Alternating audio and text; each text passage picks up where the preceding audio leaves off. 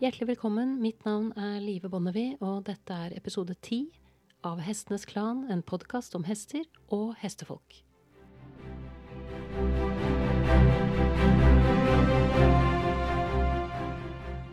Ok, Torunn Knevelsrud, vi er tilbake. Ja. Og dette intervjuet har vi for å være helt ærlig, tatt en gang før. Vi tok det i begynnelsen av mai, når Norge var i lockdown. Ja. Og da, da, tok du egenhåndig ansvar for 95% vil jeg si, av barnesykdommene til denne podkasten. For under det intervjuet så skar alt seg. Innstilling på opptakeren, eh, lydteknikeren som ikke fikk komme pga. covid-19, og feil med mikrofonen og feil med alt. Og jeg sendte det intervjuet, som var et veldig godt intervju, rundt til tre ulike lydteknikere for å prøve å fikse det, og det lot seg ikke gjøre. Nei. Og så kontaktet jeg deg igjen og sa Torunn, her er problemet. Det fins to muligheter. Enten en transkripsjon hvor jeg gjenforteller intervjuet, eller, og da krysset jeg fingrene, du sier ja til å bruke enda en bit av livet ditt, altså for tredje gang på denne podkasten, og du sa ja til det. Ja. Så jeg må starte med å si tusen hjertelig takk for alt du har investert av tid og krefter i denne podkasten. Det setter jeg kjempepris på. Jeg er jo veldig glad for å få en mulighet til å formidle mine tanker om hest og hestevelferd, så det går veldig fint. Ja, så bra. Eh, Der vi avsluttet i del én, så snakket vi om en av dine hjertesaker som handler om folks kunnskap om hest. Ja. Og behov for å tilegne seg kunnskap. Eh, og da er det sånn at vi har jo lover og forskrifter som er veldig tydelige på hva som gjelder og ikke gjelder for å sikre god hestevelferd. Ja. Og en av de tingene som jeg har hengt meg opp i, og også noen av de som lytter har hengt seg opp i, er jo den biten som handler om fri bevegelse og sosial interaksjon. Eh, Og der er jo eh, regelen i dag at hesten skal gå ute, ha fri bevegelse minimum to timer i døgnet. Og eh, det er ikke satt ned noe forbud mot at hester kan holde seg alene, sånn som det f.eks. er gjort i Danmark. Og du sitter jo midt oppe, vi andre sitter jo på utsiden, så jeg lurer på, har dere noen perspektiver eller noen, noen planer for jobb Dere jobber selvfølgelig kontinuerlig med dette, men har dere noen planer som er knytta til akkurat disse to konkrete punktene? Eh, Vi har ikke helt konkrete planer per nå, fordi det er mye vi jobber med. Så vi har konsentrert oss om andre dyrearter foreløpig i Mattilsynet. Men det er klart, den eh, forskriften vi har i dag, den er 15 år gammel. Og det blir jo lagt mer og mer vekt på dette med dyrs mulighet til å ha naturlig atferd. Vi har fått en ny dyrevelferdslov også etter at den forskriften kom. Eh, Og så skaffer man seg jo erfaring med hvordan forskriften virker i praksis. Så det eh, er absolutt relevant å se på eh, noen bestemmelser der. Og vi får jo hele tiden innspill om ting. Så må vi huske at hester de lever et langt liv. De har mange faser i livet sitt. Og de brukes til veldig mange forskjellige ting. Så en forskrift må ta høyde for at det kan være mange ulike måter å ha hest på. Altså ha en avlshingst eh, er noe annet enn å ha noen koseshetlandsponnier eller en konkurransehest i, i topp kondisjon kontra å ha rideskolehester, f.eks. Så derfor så må jeg, eh, altså, eh, En forskrift den legger jo den laveste lista for hva som er lov. Det er alltid lov og ønskelig å, å gjøre det bedre ut fra kunnskap og det behov for, som de hestene du steller med, har. Og det er det som er fint med lov og forskrift, sånn som det ligger, at det står jo egentlig svart på hvitt hva en hest er, og hva, den, hva vi skal ta høyde for. Så det, det ligger jo der allerede. Men det er dette med at i det øyeblikket ting står svart på hvitt som påbud, forbud, så gjør det også noe med folks eh, holdninger, ikke sant? Det er klart, men eh, det er, altså, Ta en topptrent konkurransehingst i sprang eller dressur f.eks., som kanskje også er verdt mange millioner kroner. Det er ikke bare bare å slippe den løs ut sammen med andre hester. Det er en stor risiko for skader, og eh, det fungerer kanskje ikke akkurat i den delen av den hestens liv. Eh, Sånne hester får også egentlig ganske mye annen mental stimuli. eh, Gjennom trening, gjennom håndtering, gjennom stell og sånne ting. Så mm, kanskje akkurat i en periode i den hestens liv så er det OK at den ikke går ut i flokk sammen med hestevennene sine. Og så er det andre perioder, for særlig når de er følge unghester, og kanskje senere når de blir pensjonister, at det er igjen både lettere og mer behov for å la hesten være mer naturlig hest igjen. Så det er nok nødvendig å finne en balanse ofte. Og det vil jo til syvende og sist også koke ned til at det er vårt ansvar som, som de som tar vare på hesten. Og tilrettelegge så mye som mulig. Altså, det bør jo ikke være din jobb som en som sitter i Mattilsynet og, og sørger for at vi gjør så godt vi kan. Vi bør også gjøre så godt vi kan på egen motor, ikke sant? Jo, altså det er, står direkte i dyrevelferdsloven at man skal ha kompetanse. Og det vil jo si at man skal ha kunnskap eh, og muligheter og holdninger til å håndtere de dyrene man har, på en, en dyrevelferdsmessig forsvarlig måte. Bare tenkte det var greit å ha en introduksjon i forhold til, eller ta opp tråden litt der vi slapp, men hovedgrunnen til at jeg inviterte, er jo din lange erfaring som dressurdommer. Du har jo dømt nasjonalt og internasjonalt over en 40 år lang karriere. Det er lenge. Du har fulgt uh, sporten godt. Um, og sist gang som vi møttes, så uh, husker jeg at du fikk stjerner i øynene da du beskrev ekvipasjer der hesten har blitt utviklet nesten som en danser. Eller som en turner, at den har smidighet, balanse og fysisk og mental styrke og at det var noe av det mest inspirerende du møtte som dommer. Og så sa du også, og det merket jeg meg, at hvis du får sett dette av og til, så tåler du både regn og vind og blåst. Um, og da eh, Jeg har sittet og skrevet for dommere, aldri dømt selv, men jeg har skrevet for dommere, og jeg vet jo at det kan være en utfordring å, å dømme utendørs. Men det var dette stikkordet 'av og til' som jeg har hengt meg litt opp i, fordi jeg syns nettopp at det er litt av og til, da.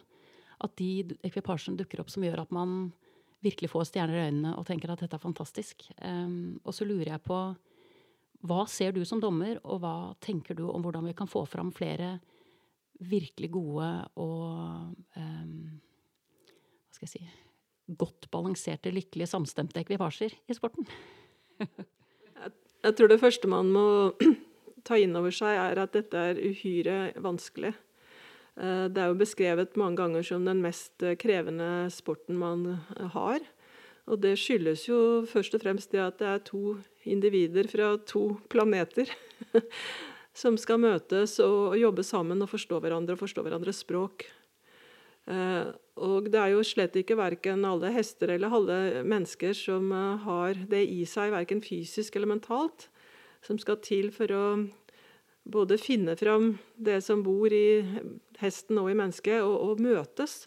Det er ikke alle hester og ryttere som fungerer godt sammen. Det kan godt hende at uh, hesten fungerer mye bedre med en annen rytter, fordi den andre rytteren kanskje har en annen tilnærming eller et annet temperament eller en annen um, bevegelighet i salen. Så det er veldig krevende. Um, så, så, det er nesten som en visjon, det du, å se det virkelig gode. Det er uhyre få som virkelig når dit. Men det man blir lykkelig for som dommer, er jo å se at eh, rytteren har skjønt hvor veien går. Og liksom er på den veien, og ikke gjør ting som er til hinder for å komme den veien. Eh, vise rideforståelse, altså helt nede på lett C eller, til, eller ryttertest, lett D, som er et fantastisk flott tiltak. Hvor hestens eh, kvaliteter ikke spiller noen rolle heller. At du ser at rytteren har forstått eh, ridebanens veier, og forstått poenget med øvelsene. Vet, har forstått hvordan han skal forberede seg, selv enkle ting underveis. Og har liksom et overblikk, sånn at eh, da, da kan dialogen og dynamikken med hesten Eh, også, altså det krever så stor konsentrasjon at hvis den eh, grunnkunnskapen om hvordan du rir øvelser og alt det her er i bånn, så kan du konsentrere deg om å ha dialogen med hesten. Eh, så Det tror jeg er eh, veldig viktig, at man være ydmyk for hvor krevende det faktisk er. Så når du da dømmer i de lavere klassene, hva er det, hva er det du vektlegger? Jeg vektlegger helt fra start og helt opp til Grand Prix denne harmonien. At det ser positivt ut. Eh, mellom hest og rytter. Og at ikke det bærer preg av tvang og ubehag og sånn. Men det er klart, på særlig de lave nivåene så er jeg jo opptatt av å se at rytteren eh, har en sits, sitter på hesten på en måte, eh, skjenkler, hender, som ikke forstyrrer hesten, ikke plager hesten. Eh, det, det syns jeg er veldig viktig. Og så er det jo tilbake til det jeg sa med å forstå banens veier. altså det høres enkelt ut å ri en 20 meters storvolte. Eh, som er altså Bredden på en ridebane er 20 meter, så det er jo egentlig ikke så vanskelig å beregne. Men vi ser jo at det svært ofte er veldig vanskelig å få det til allikevel. Den skal være rund. Den skal være 20 meter i alle, i alle, alle de, diameterne. skal være 20 meter. Eh, så sånne ting. En rytter som viser at jeg har skjønt hvordan en storvolte ser ut. Jeg har skjønt hvor jeg er på banen. Jeg har skjønt hvordan jeg skal forberede det. Eh, da får man litt stjerne i boka hos meg. Og når du så kommer Du sa vel også noe når vi snakket sammen sist om noen grunnelementer som inngår i din bedømning som helhet? Ja, altså det ligger jo i uh, hele beskrivelsen av dressuren uh, at helt i bunnen så ligger de rene, regelmessige gangartene. Uh, så det vil man kjøpe eller ha en dressurhest, så må man se etter en hest som har rene, regelmessige gangarter. Og man må trene den på en måte som ikke ødelegger gangartene. Det behøver ikke være en sånn super wow-hest for det men at det er helt rene, regelmessige gangarter. Og så ser vi at etter at testen eh, er løsgjort og avslappet, eh, og at den søker kontakt til bittet. Og det er veldig viktig å si 'søker kontakt til bittet', for det er nok veldig mye sånn fortsatt at eh, folk tenker hesten skal gå til ettergift, i den forstand at man skal få den til å knekke nakken. Og det er motsatt av det vi ønsker. Vi ønsker at rytteren skal tilby kontakt. Eh, som hesten selv skal søke. Og da arbeide bakfra inn i den kontakten. Eh, og så ser vi jo etter det som vi nå har valgt å kalle harmoni. Før het det lydighet, som høres litt sånn prøyseraktig ut. Gå til høyre, gå til venstre. Eh, vi er mer opptatt av at det er et samarbeid mellom hest og rytter. Og at hesten er oppmerksom på rytteren, lytter til rytteren, forstår hva rytteren ønsker, og har, kan gjøre det uten å streve. Og da må den selvfølgelig være trent og utdannet til det klassenivået. Og det siste punktet er jo rytteren selv. Det er eh, sits, smidighet, rideforståelse, eh, korrekte innvirkninger, fine hjelpere. Og at man får til det man eh, skal gjøre da, i klassen. Så hvis vi da går til de høyere klassene og så unner oss et øyeblikk av et, eh, et, bilde som aldri kommer til å inntreffe, nemlig at jeg kommer ridende inn på en godt trent eh, Grand Prix-hest. Eh, for det første så har jeg alltid lurt på legger du merke til meg før jeg rir inn på banen og gjør holdt og hilser? Altså Starter din vurdering av meg, meg og min hest som ekvipasje allerede før vi er i gang? Nei, det skal den ikke, men jeg må faktisk holde et lite øye med deg allikevel. For det kan jo skje ting som f.eks. kan være farlig. Uh, og hvis en hest uh, setter seg opp, blir skremt av noe, plutselig bare ikke vil være der, så har man en regel uh, som gjør at du faktisk ikke får starte, hvis, hvis, dette kan være farlig. Så jeg må jo følge litt med. Men selve vurderingen det starter idet du rir, vender opp fra A. Enten gjennom en port eller fra innsiden av banen. Så, så, det er det vi ser. Og forskjellen fra lett klasse til Grand Prix er jo egentlig det no, det tekniske, det blir selvfølgelig mye vanskeligere øvelser. Eh, de kommer tettere, og de er teknisk mye mer krevende. Eh, så det er jo mange hester og ryttere som aldri lærer Grand Prix-øvelser. Eh, og så er det jo måten hesten ja, Det som vi kaller samling, da. Måten hesten har blitt sterk, blitt lettere i forparten, tråkker innunder bak, mer balansert, mer smidig, mer, har et større spekter å spille på. Fra helt ut i rammen, øket trav, øket galopp, og helt tilbake til trav på stedet, som, vi, som heter piaff, eller piruett. Eh, en, en galoppiruett som på en måte er på stedet. Så det blir jo et veldig mye mer spenn i hva den hesten skal gjøre når du kommer i de høye klassene. Og det krever en veldig metodisk og tålmodig og lang utdanning. Det er ikke noe quick fix, det er ikke gjort på et år eller to, og det er ingenting med sirkusøvelser å gjøre. Altså, jeg skal ikke høres si, negativ ut til det å lære triks. Man kan godt lære en hest triks, knele for å få en sukkerbit, eller løfte en fot, eller sånne ting. Men det er ikke det dressurridning er.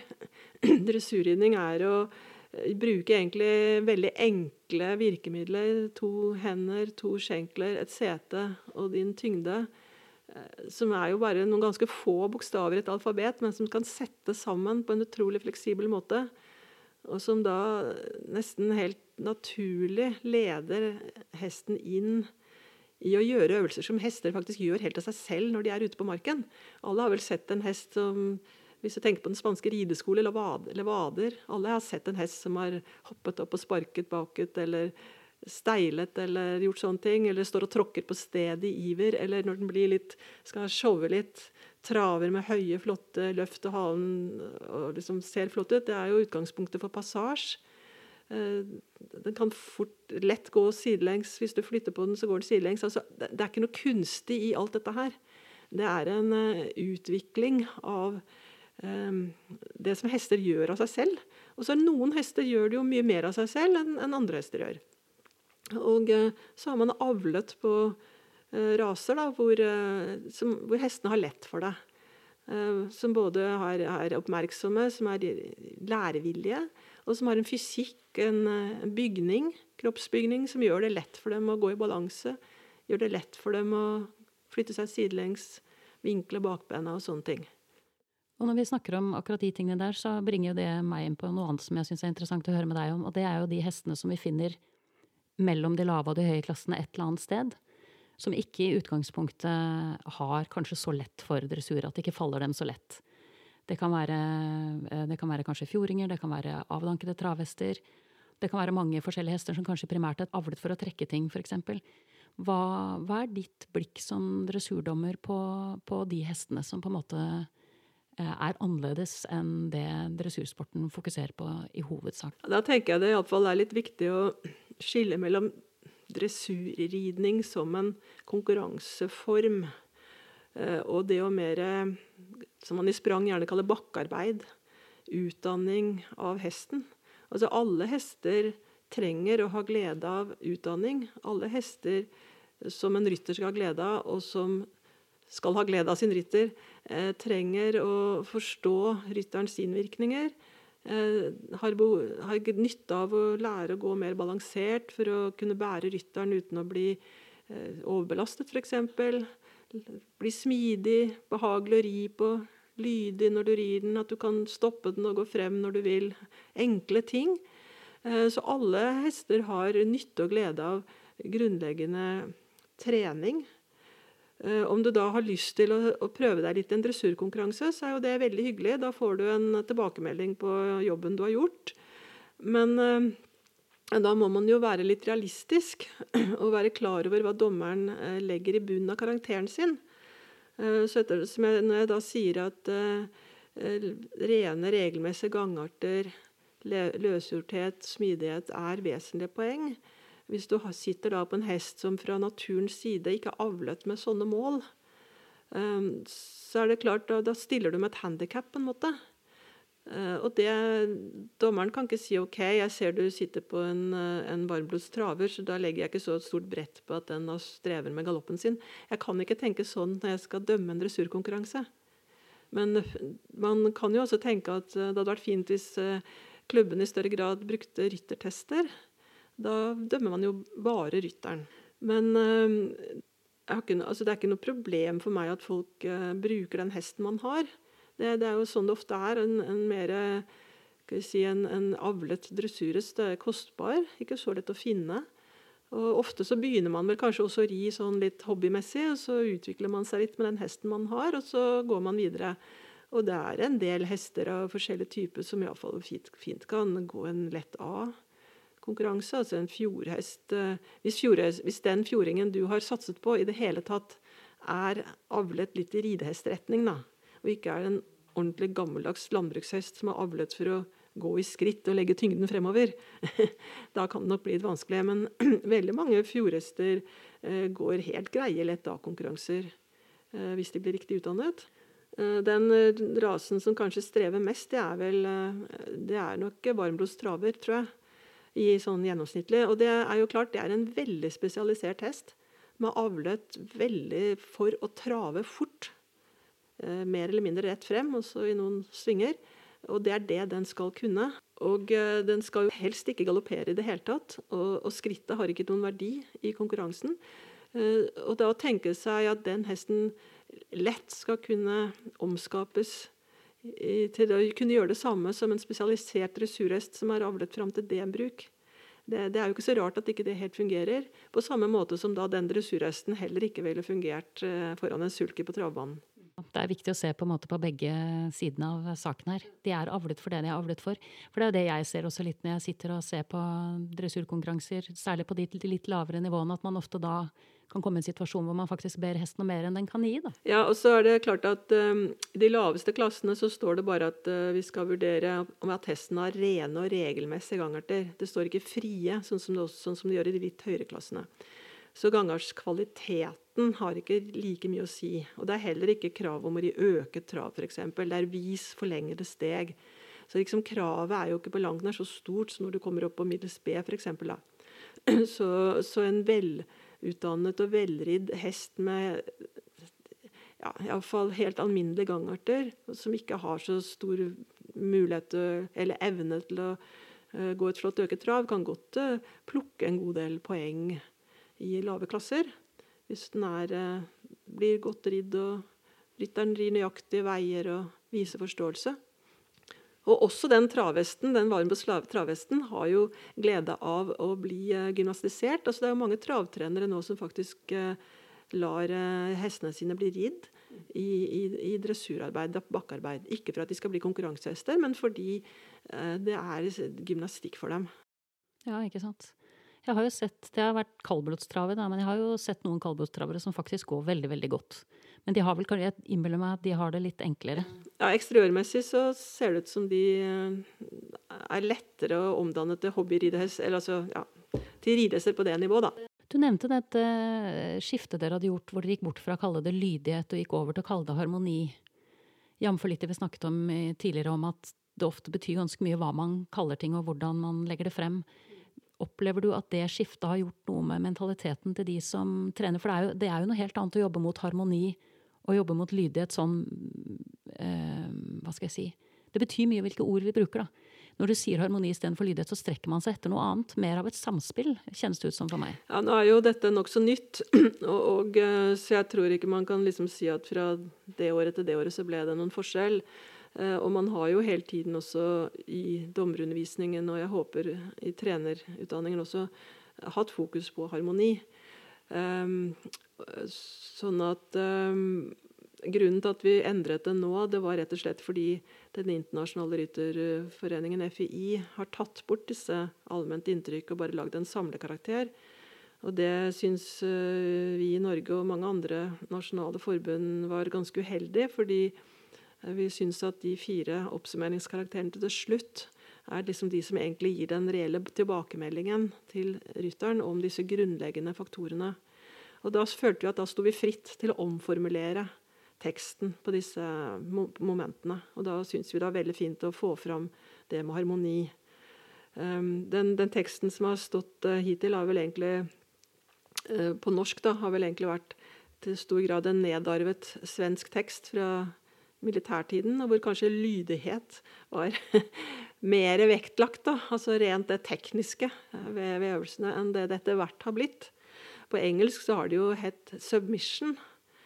Og det er ganske vanskelig å oversette til norsk, for det kan bety underkastelse, og det er jo heller ikke det vi ønsker. Så ettergift, men på norsk betyr det kanskje noe litt annet igjen. Men submission er vel på engelsk ment å bety både fysisk og mental ettergift. da.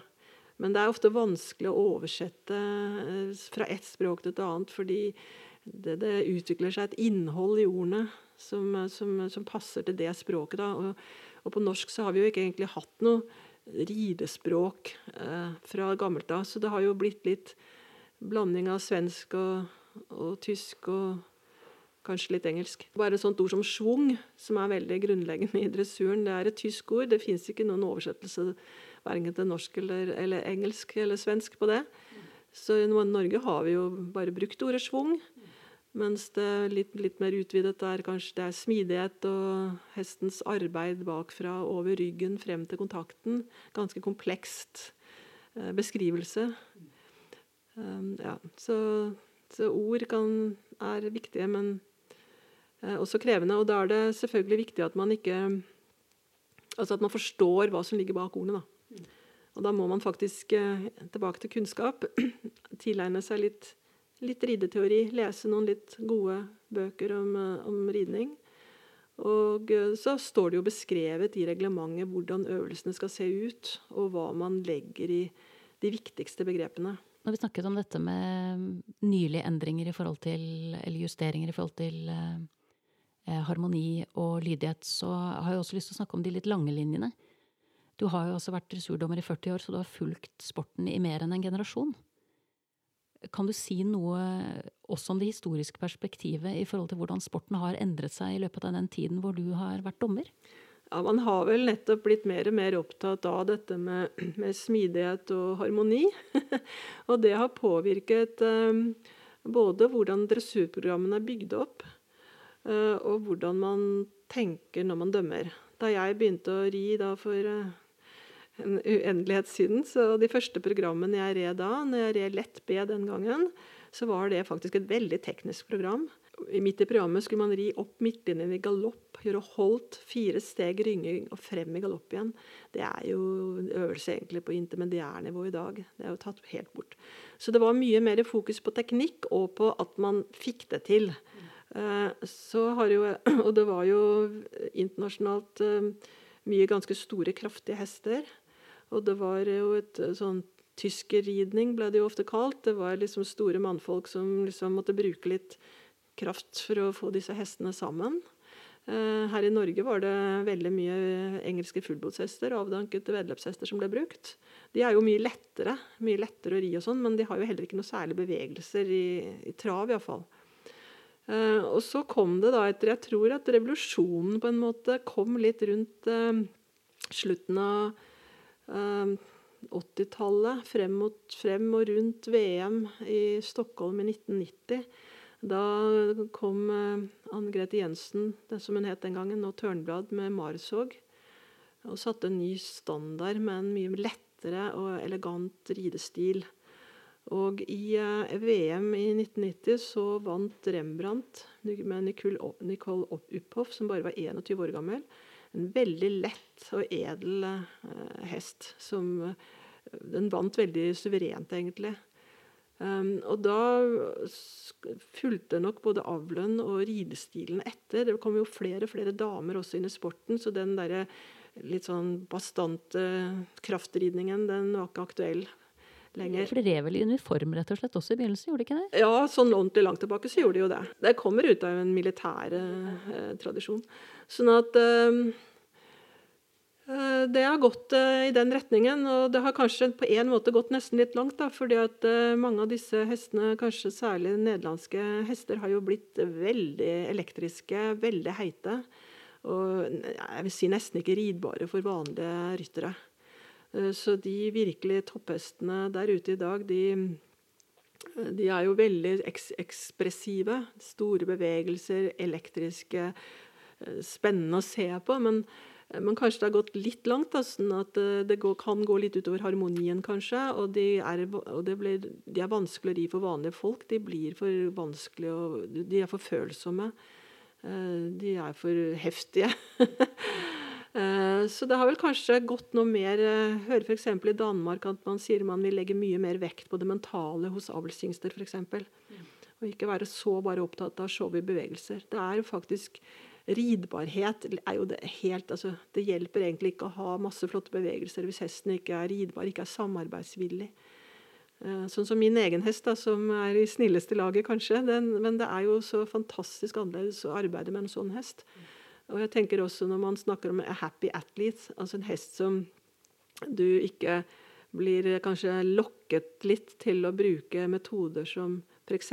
roll kor ble vel egentlig utviklet litt fordi hvordan skal vi beherske disse hete hestene?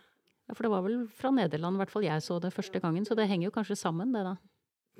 Nederland kom jo seilende opp som en uh, stor ridedressurnasjon. Uh, I sterk konkurranse med Tyskland, da, som i stor grad har hatt hegemoniet. Og der ble det nok utviklet Altså man gikk fulgte ikke helt de klassiske prinsippene, men prøvde seg på andre ting. Og, og, jeg tenker på mange måter var vel poenget egentlig ganske godt, fordi man tenkte at man må gymnastisere hestene. Man kan ikke bare ri de øvelsene man skal vise i konkurranse, man må drive med gymnastikk. Eh, og så er det klart det, så ble da dette jo også tøyet overlinjen til det ekstreme. Og så er det jo forskjell på å gjøre det i to steg og gjøre det i en halv time.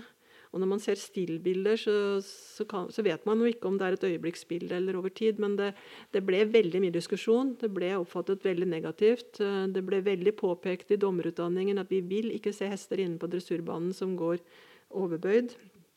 Eh, og det ble og FI eh, fikk utgitt et slags memorandum om hva man mente om det her. Og det var vel ganske stor enighet om at det både fysisk og mentalt var ganske belastende på hestene. Og eh, stuartene i dag godtar ikke at man rir på den måten på, på oppvarmingen. Så man, det har vel blitt litt borte igjen, da. Men samtidig så har man jo lenge absolutt hatt en tilnærming til dette med å ri lang og dyp. sånn at det er så da, Man har kommet mer inn på det enn poenget er liksom at jo, man skal få hesten ut i rammen, men frem i kontakten, og ikke bakom, sånn at den nærmest biter seg i bringa. Nederlenderen var én ting, men så har vi også sett en hest som totilas, f.eks., sammenlignet med Valegro. Der har jo også du et annet blikk enn det jeg har. Hva er det du ser når du ser um, uh, Edvard Gall når han og Totilas var på sitt beste, og Charlotte og Valegro? Altså Det er to fantastiske ekvipasjer. Og de har jo ikke aldri konkurrert mot hverandre. Sånn at, men da Valegro, nei, da Totilas kom, eh, så var jo det en sånn wow-hest. Eh, som imponerte med sin store bevegelighet og sin lette, flotte frampart og veldig store bevegelser i, men i starten så, så, var kanskje ikke bevegelsene helt de samme bak. da. Sånn at det, var, eh, det er lett å se disse store forbeina, det ser veldig showy ut, og så glemmer man å se bak. Etter hvert så ble jo Totilas bedre på det òg. Eh, så det var veldig mye som var veldig flott med Totilas. Og den kunne jo gå helt fantastiske galoppiruetter, f.eks. Nydelige traværer. Det var veldig mye som var flott med Totilas. Men eh, det som kanskje Det ble sånn litt at da skulle alle andre også ha det sånn. Og så ble det eh, Litt på samme tiden så ble vel egentlig spanske hester litt populære også. Og de er jo avlet litt i den altså Ikke bare litt, men i den retningen. At det er forpart, stor nakkehals, hingst, stor bevegelsesfrihet i skulderpartiet, høye benløft foran, og så ikke så mye bak. Uh, og det uh, ble kanskje en sånn samvirkning mot det. Og så fikk man en sånn motreaksjon mot det også, da. At man må se hele hesten. Uh, man må huske på at også bakbena skal være med. Og så kom jo da Valegro, som jo i starten, da den ble innkjøpt, så var det jo ingen som så talentet egentlig i den. Den ble ikke Det var ikke noen sånn wow-hest den da den ble kjøpt, og den var jo Wallach også. Men eh, den hadde jo en veldig naturlig måte å bevege seg på. Veldig balansert, og ble jo veldig flott og harmonisk utviklet, utdannet av uh, sin rytter og, og trener. Uh, så for meg hittil så er vel det uh, det fineste jeg har sett. Det er jo ikke en sånn det er jo ikke en sånn billedskjønn hest hvis du så den gå ut og sånn. Og så, det fins andre hester som kanskje er vakrere og sånn, men når du har sett den smidigheten og balansen og den utrolige harmonien med rytteren sin, og den kan komme inn og liksom Ja, jeg kan gjøre en piaff, piruett hele veien rundt, men jeg kan gjøre det den andre veien også, hvis du vil. altså virkelig happy atleas, men eh, altså kontrollert i positiv forstand. da. Du satt aldri med hjertet i halsen og tenkte at nå skjer det noe. Veldig veldig flott. og Jeg har jo sett den både i konkurranse, men også i Vi, den, vi var jo så heldige å ha den her i Oslo, eh, på Oslo Horse for noen få år siden og se hvordan de har jobbet med f.eks. å få hvordan får du en øket trav til ti, som hun da ikke sitter og rir hver dag, men en, men en sjelden gang iblant. Fordi at du må ikke overbelaste hesten heller. Men hvordan de jobbet med det altså Det er så enkelt på en måte. Det er ikke noe fiks fakserier og mikmak. Det er enkel, grunnleggende klassisk ridning som blir da brukt på en måte så hesten er med hele veien. og Samtidig du må du, altså det er klart du må pushe litt. Eh, akkurat som du må pushe deg selv litt, men ikke over en, en eh, strek hvor, du, hvor, det blir motstand og motvilje, og hesten rett og slett ikke er med på det, og ikke har forutsetninger for det kanskje heller. Det er da det begynner å se anstrengt ut. og og negativt, og hormonien blir borte. Og det er jo dessverre sånn at uh, mange ryttere kanskje er mer ambisiøse enn det hesten har anlegg for. Uh, og det er, ikke, det er, mange hester som ikke har anlegg for både passasje og piaff, eller som fikser å gå direkte arrangementer. Og jeg syns særlig det med passasje og piaff, hvor det også er overganger, så den, de hestene som ikke liksom catcher hva en piaff er, de, de, det ser aldri fint ut. Og det blir fort motstand hos, hos, hesten også, så man må være litt ydmyk for at noen hester har ikke en Grand Prix-karriere. Du er så vidt inne på det nå, men dette med å dette med å rett og slett kunne skille en happy athlete, altså en, det som, um, som er på en måte målestokken for FI, og eh, det som andre da vil velge å kalle slaves of glory, Altså de som, som gjør det, men er, hvor hesten ikke er komfortabel. Hvor, uh, hvordan skiller du de to? på en måte? Hva er, det, hva er det som blir veldig avslørende signaler for deg i forhold til på hvilken side av streken den hesten er? Altså Man øh, kan vel se det både på bevegelsesmønstre, i hvilken grad hesten er løsgjort og ledig i kroppen, og i hvor lett den svarer på hjelperne og sånn. Men du kan jo også se det på ansiktsuttrykket.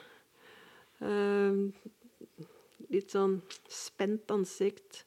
Litt sånn spente lepper, kanskje. Litt sånn ja, Mye aktivitet med munnen, kanskje. Litt oppsperrede nesebor. Litt piskende hale. Uh, kan, relativt små tegn da, som kan i alle fall vise at hesten i alle fall er litt stressa. Om hun ikke er direkte sånn mishandla, for å si det sånn, så kan hun iallfall være litt stressa, litt ubekvem med situasjonen. Uh, mens en hest som du virkelig, virkelig føler at dette bare svinger av gårde. Halen dingler sånn fint i takt med bevegelsen. og eh, Det virker rytmisk. og liksom, Det ser så veldig lett ut. Og det, ikke, det er vanskelig å se egentlig hva rytteren gjør, fordi det, så, det, er så lett. Det er så små signaler mellom hest og rytter. Så jo lettere det ser ut, jo vanskeligere er det egentlig. ja. Men også sånn sett, jo større sjanse er det for da at hesten rett og slett er godt nok trent, både mentalt og fysisk, til å kunne gjennomføre på en god måte. Ehm, da vi snakket sammen sist, så snakket vi jo også om um, at dressuren er en sport med lange Dressursporten har lange tradisjoner, og at den til en viss grad uh, er konservativ. Og at det uh, dukker opp med ene mellomrom folk som føler at de har funnet opp kruttet på nytt, Eh, vi snakket litt, tror vi begge brukte begrepet småkonger sist. Altså folk som sitter rundt og, og, vet noe annet og vet bedre på en måte enn den klassiske dressuren. Har gått en litt annen vei. Eh, du hadde noen interessante perspektiver om det? Ja, det er klart at uh, på den ene side så er det jo veldig gammel kunnskap som Tilbake til Xenofon. altså Da er vi tilbake i sånn gresk antikk. Så, så, det ligger noe helt grunnleggende kunnskap så langt tilbake i tid når det gjelder balanse mellom hest og rytter. Eh, men så kan du si at der hvor kanskje dressurridningen er blitt satt i et slags system over lang lang tid, det er jo den spanske rideskole. Andre Hjalhoff-rideskoler i sin tid også, men hvor man har fulgt en, en, linje og bygget på.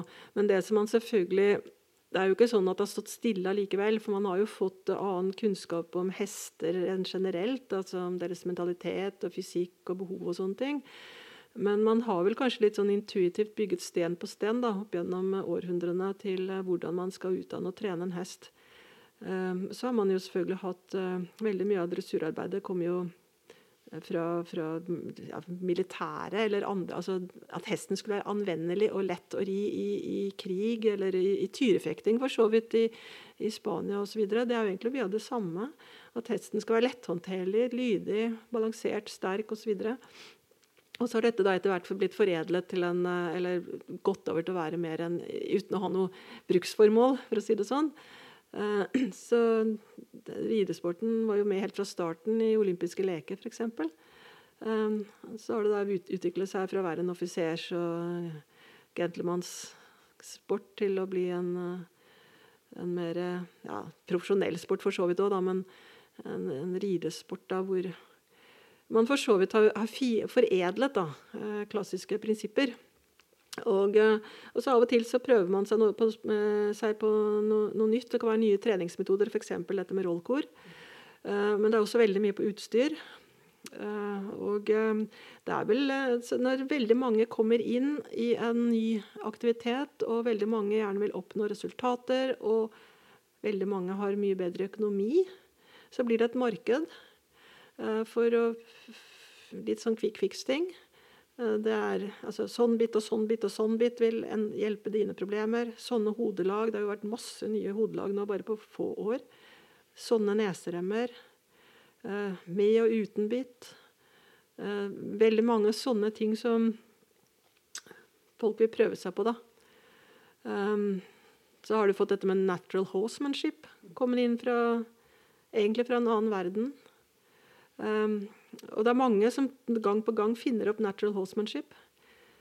Så tenker jeg hva er, det, hva er det basert på? Altså Hvis noen kommer og skal hjelpe deg med noe du ikke har hørt om før, så ville jeg vært litt kritisk og så spørre hva er det basert på? Hva er grunnlaget ditt for å mene at dette er lurt?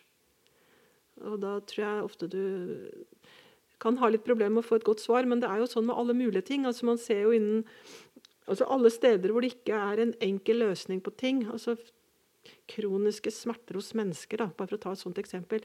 Det er sånn typisk sted hvor det kommer alternative tilbud. Fordi det er veldig vanskelig å si hva som hjelper og ikke hjelper. Eh, eller, eller, å si en fasit for når er målet nådd. Og da, og, så det er veldig vanskelig å vurdere kvaliteten i det du blir tilbudt. da. Uh, siden jeg sveipet innom Natural Horsemanship, så har jeg bare veldig lyst til å si at uh, jeg har lest boka til Monty Roberts om hvordan han startet. Og når du tenker deg på engelsk, så heter det å ri inn eller temme en hest. Det heter to, to break a horse. Og det, og det, er klart at den måten som er beskrevet at uh, cowboyer og, sånn som kanskje stammet fra gamle Europa. Eh, altså brøt ned hesten. Det er klart Som et alternativ til den brutale tilnærmingen, hvor man nærmest bare la på en sal og satte på et hodelag og satte rytteren oppå og tvang hesten i kne, liksom, så er det klart at den tilnærmingen med natural horsemanship er noe helt annet. Men for meg å ta min snille, søte, blide, gode Betty, som kommer til meg og alt mulig rart, og så sette den løs i en rundpaddock og jage den rundt for at den skal underkaste seg, det, det gir ikke meg noen mening. Og det er, jo, det er jo, hva skal jeg si Sånn som i de fleste grener eh, der vi driver med hest, så er det jo også veldig mange nyanser innenfor natural horsemanship. Du har um, den tradisjonen som Monty Roberts vokser ut fra. Det er klart at Jeg syns det er et eller annet litt grunnleggende interessant med at en fyr som har vokst opp med et så voldelig utgangspunkt med hest, at jeg skal tro på at det er han svaret kommer fra i forhold til å finne en annen vei. Jeg tror du blir såpass farget av det du har. Og det at du på en måte ikke fysisk knekker hesten, er ikke det samme som at ikke du mentalt knekker den. Så der føler jeg jo at der er det jo noen ganske store hull, egentlig. I måten, måten en del av disse metodene praktiseres på. At de er vel så krenkende egentlig som å legge hesten fysisk i bakken med hjelp av tau. Ja, jeg syns jo noen ganger at det ser ut som eh, målet er at hesten skal vise underkastelse. Ja, de snakket jo mye tydeligere om det. Det er igjen dette med utvikling, men de snakket jo mye tydeligere om det i starten at det var på en måte målet. Så har de begynt å moderere litt hvordan de ordlegger seg. Men det er klart at hvis du driver en hest som har en naturlig fluktlinje på 500 meter rundt og rundt en rundpaddock på begge hender, så når den jo til slutt et punkt hvor den skjønner at uansett hvor mye løp jeg løper, så kommer jeg ikke unna. Og når den da tar kontakt med deg, så er det ikke nødvendigvis at den har gjort en såkalt join-up, og at dere er et par. Det kan bare handle om at det er det stedet det går an å være hvor man ikke blir jaget. Det er ganske stor forskjell på det. Nei, Derfor så tenker jeg at um, igjen uh, Altså hvis man bruker et uh, altså Natural horsemanship har vel kanskje blitt et sånt konsept, da, men uh, grunnleggende det som jeg tenker, Hvis du skal oversette det bare ord for ord, det er, handler jo igjen om å forstå hva en hest er. Og forholde seg til en hests uh, natur.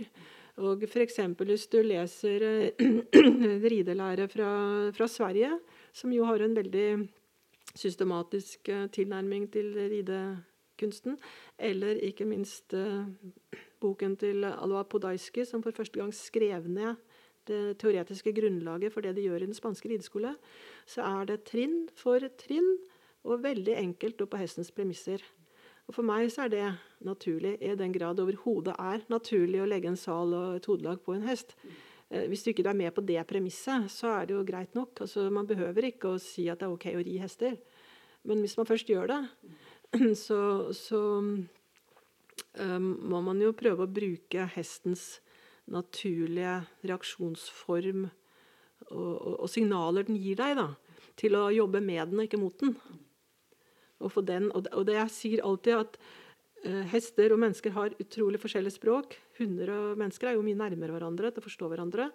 Og det er alltid menneskets ansvar å forstå hesten og, og hjelpe hesten til å forstå mennesket. Det er aldri hestens ansvar å forstå meg. Og det tror jeg folk glemmer. Folk tror at når man setter seg opp eh, og på en eller annen hest som kanskje ikke er utdannet, sånn som min Betty, som ikke var så veldig utdannet når jeg fikk den, tror jeg. Eh, at den ikke reagerer på mine skjenkler, det er ikke hestens skyld. Det er faktisk mitt, min, mitt ansvar da å få den til å forstå hva jeg vil. For det er ikke naturgitt at en hest skal gå frem når du legger til skjenklene. Eh, den må, den må på en eller annen måte forstå mitt språk. Eh, og så må mitt språk være så naturlig som mulig for hesten. Men det vil allikevel være et fremmed språk. Så det, jeg tenker det, det, er det som for meg er naturlig heste, hva skal kalle det, hestekunnskap. Det, det er den delen av det som går på å lese hesten. Da, og, og, og bruke hestens natur, natur. Jeg tenkte jeg skulle avslutte med å eh, snakke litt om en ting som også har opptatt meg fra min randsone med min islandshest ute i skogen. Og det er hvor opphetet ordskiftet når det er knytta til dressur, kan bli noen ganger. Og jeg har gjort meg noen refleksjoner rundt, for det er jo, som vi snakket om sist, det er jo mye rart som skjer i mange grener. Men innenfor dressur så, er, så går bølgene høyere, og diskusjonene er hardere. Og jeg har jo i min ende tenkt at det handler om at um, dressuren på en måte er en slags, et fyrtårn eller et slags grunnfjell for hva all ridning bygger på. Så man stiller veldig sterke krav til den på en eller annen måte den er, skal være noe opphøyd, eller at den, den, har en eller annen posisjon som, som gjør den viktigere å diskutere, på en måte. Men det ville vært veldig interessant å høre om du har noen refleksjoner rundt dette? Jeg tror kanskje at um, det er knyttet en god del um, romantikk til dressurridning. Um, for i motsetning til sprangridning så går det jo veldig mye på at det skal være vakkert. Og det er jo mye romantisk sånn helt tilbake til uh, My Little Pony og, og, sånne ting. Altså en hest med lang, flagrende man og flott hale og liksom noe som ser vakkert og, og, naturlig og fritt og vilt ut. Jeg tror det på mange måter er en sånn romantisk bilde som mange har for seg. Og så kommer noen mennesker og legger på hodelag til og med med stangbitt og sal og på en måte tvinger denne naturen altså De som ikke vet så veldig mye om dressurridning, eller for så vidt ser dårlig utøvd dressurridning, for det fins selvfølgelig med tvang osv., de, de mistolker nok en del av det man driver med, som å være tvang, tror jeg. Uh, og så er det selvfølgelig ofte, uh, nettopp fordi det er så komplisert, så er det mange som ikke lykkes. og så skal man da tilbake til det vi snakket om i stad, med alternative metoder. Eh, og quick fix. Så da kan det oppstå ulike syns, synspunkter på hva man skal gjøre. Da. Og det, man må jo se, det er jo et kjempespenn mellom de som eh, altså, satset på rollkor, og de som sier at vi skal ri hesten uten hodelag. Og begge har liksom i sin verden rett. Um, og så blir det gjerne holdt, holdt fram som et bevis på at man har rett. Da, at man kan se oppvisninger med med både kjente og ukjente dressurryttere som i og for seg kan ri et eh, program på en dressurhest uten hodelag. Kanskje bare med en halsring eller nesten ingenting. Men der, spør de deg noen gang hvordan har den hesten utdannet til å komme dit. Um, og det har jo eh, Jeg har vært ganske interessert i å prøve å litt altså jeg, jeg, er sånn av natur at jeg syns det er greit at det ligger kunnskap i bunnen. Eh, så jeg prøvde å orientere meg litt om hvem har kunnskap om hvordan hester kan trenes i dressur uh, uten uh, bitt. Iallfall. Kanskje ikke uten hodelag, men iallfall uten bitt. Og det finnes jo ikke noe sånn forskningsbasert egentlig på det. Det finnes litt forskning på litt for noen biter, men ikke noe som er omfattende og stort. Eh, og det er jo veldig komplekst å forske på. Hester er ganske kostbare forskningsdyr, så det er kanskje ikke så rart. Men man kan iallfall lese hva erfarne trenere og ryttere sier. Og de sier ja, du kan ta en hest som er godt utdannet på tradisjonell måte, og så kan du eh, begynne å ri den på et hodelag uten bitt, og det fungerer bra en, en stund. Men etter hvert så faller hesten ned og blir død i munnen, for å kalle det det, når den ikke lenger har. For dette bittet er jo ikke et tvangsmiddel. Det er et Det kan være et tvangsmiddel. Tror det er der det på en måte starter. Ja, ikke sant? Men da er det folk glemmer at et bittløst hodelag kan også være et tvangsmiddel. Eh, På en eller annen måte så innvirker jo også det på hestens hode. Og du har neseremmer f.eks. med en hackamore, en veldig tynn hud som ligger over knoklene over nesen der, og under kinnet også. Og hvor du til og med En hackamore har jo en stang. Og du, du får press mot følsomme deler på hestens hode. Um, sånn at eh, Men det er klart hvis målet ditt er å kunne styre en hest til høyre og venstre, så må du gjerne sitte bar bak og med grime, eller bare med en sånn tauløkke for min del. Men, men da er du eh, Da er du tilbake til det jeg snakket om i stad. Da, da er det ikke dressurridning. Eh, jeg tenker også det er et sikkerhetsaspekt. Altså jeg, det er tross alt store, kraftige dyr som kan reagere uventet, selv om det er også min utrolig snille Betty kan bli vettskremt av noe. Og hvis du da er der ute og kun har en, en grime på, så kan du faktisk komme i en farlig situasjon. Eh, Jeg, jeg liker å ha god sikkerhetsmargin når jeg håndterer hester. Sånn at også når garden min er litt nede, eller jeg blir forstyrret av noe, så har jeg fortsatt litt å gå på. Fordi at det er, det er rå kraft på 500 kilo det er snakk om, altså. Selv på en veldig snill hest.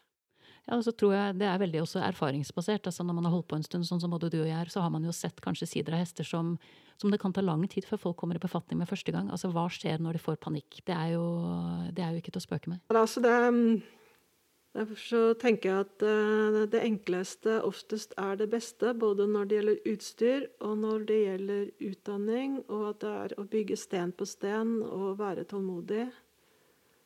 Eh, og at man ikke skal være lei seg om man ikke når til Grand Prix eller til en sånn klasse, men at man vet at det man gjør, eh, er i den retningen. Og hvor både hest og rytter er bekvem med det. Torunn, tusen hjertelig takk for at du stilte opp til et uh, intervju nummer tre, da, som det egentlig er blitt etter hvert. Ja. Jeg setter stor pris på det, og håper å få sett deg på banen i løpet av sommeren. Jeg tenkte jeg skulle dra ut og besøke deg når du er ute og dømmer. Ja, det er eh, norgesmesterskap nå til uka som kommer, på Biri. Da ses vi der. Ja, flott. Takk skal du ha. Ja, takk for meg. Du har nettopp hørt episode ti av Hestenes Klan, en podkast om hester og hestefolk. Takk til min faste komponist Fredrik Blom. Takk til min gjest Torunn Knevelsrud, og sist, men ikke minst, takk til deg, kjære lytter, for tålmodigheten. Måtte hesten for alltid være med deg.